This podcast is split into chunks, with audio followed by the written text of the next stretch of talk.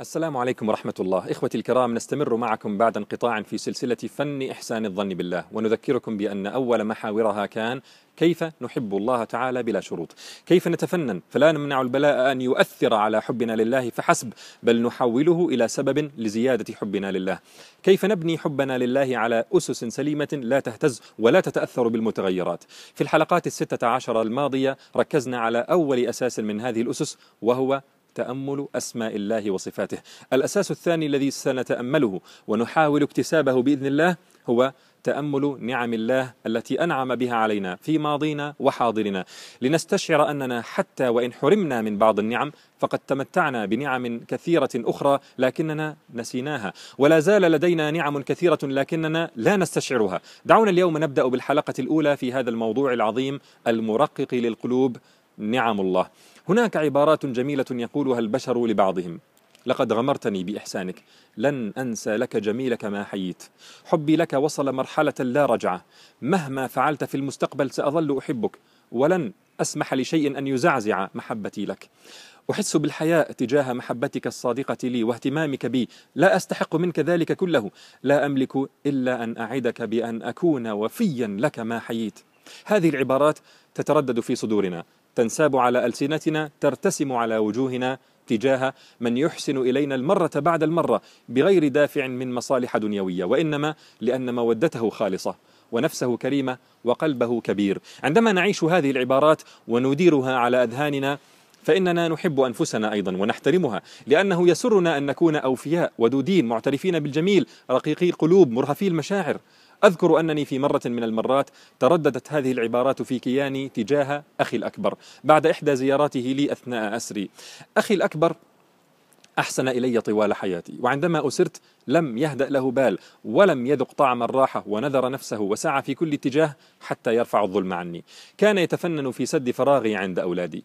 كان يأتي لزيارتي مثقلا بالهموم من صدمة ما رآه أثناء سعي أثناء سعيه في قضية من ظلم واستخفاف بالكرامة الإنسانية.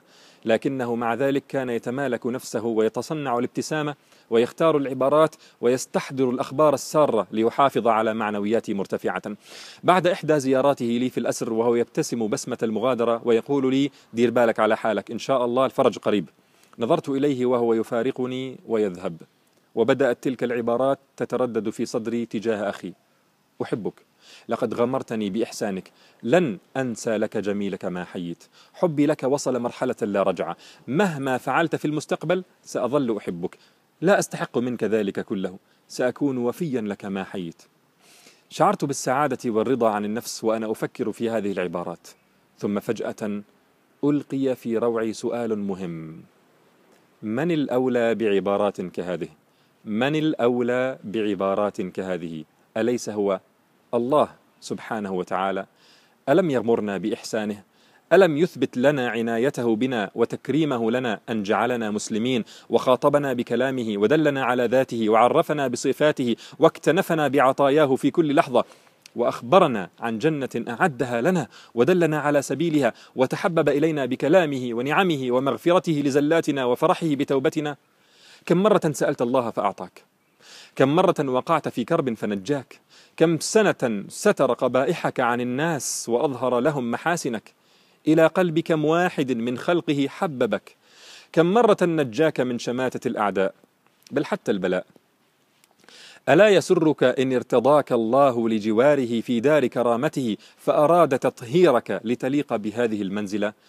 فبدلا من تطهيرك بالنار ابتلاك في الدنيا فطيبك وطهرك. ألا يكفي هذا كله في أن نبقى أوفياء لله ما حيينا؟ ألا تشعرنا هذه الرعاية والتكريم بالحياء منه سبحانه؟ هل سنبقى كلما امتحن الله حبنا له ببلاء دنيوي يتزعزع هذا الحب ويتعكر صفو مودتنا؟ هل سنبقى نفشل في الامتحان؟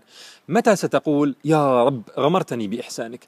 لن أنسى فضلك علي ما حييت. يا رب مهما قدرت علي ومهما ابتليتني سأبقى أحبك بل سيزيد حبي لك. ولن أسمح لشيء أن يعكر صفو محبتي لك.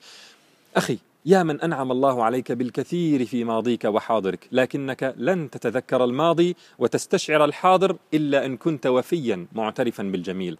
بعد هذا الإنعام الإلهي إن لم تصل محبتك لله مرحلة لا رجعة فمتى تصل؟ وأي شيء يوصلها؟ بعد هذا الإنعام الإلهي إن لم تصل محبتك لله مرحلة لا رجعة فمتى تصل؟ وأي شيء يوصلها؟ جميل أن نكون أوفياء. جميل أن نكون أوفياء أصحاب حياء شكورين ودودين معترفين بالإحسان والامتنان مع البشر.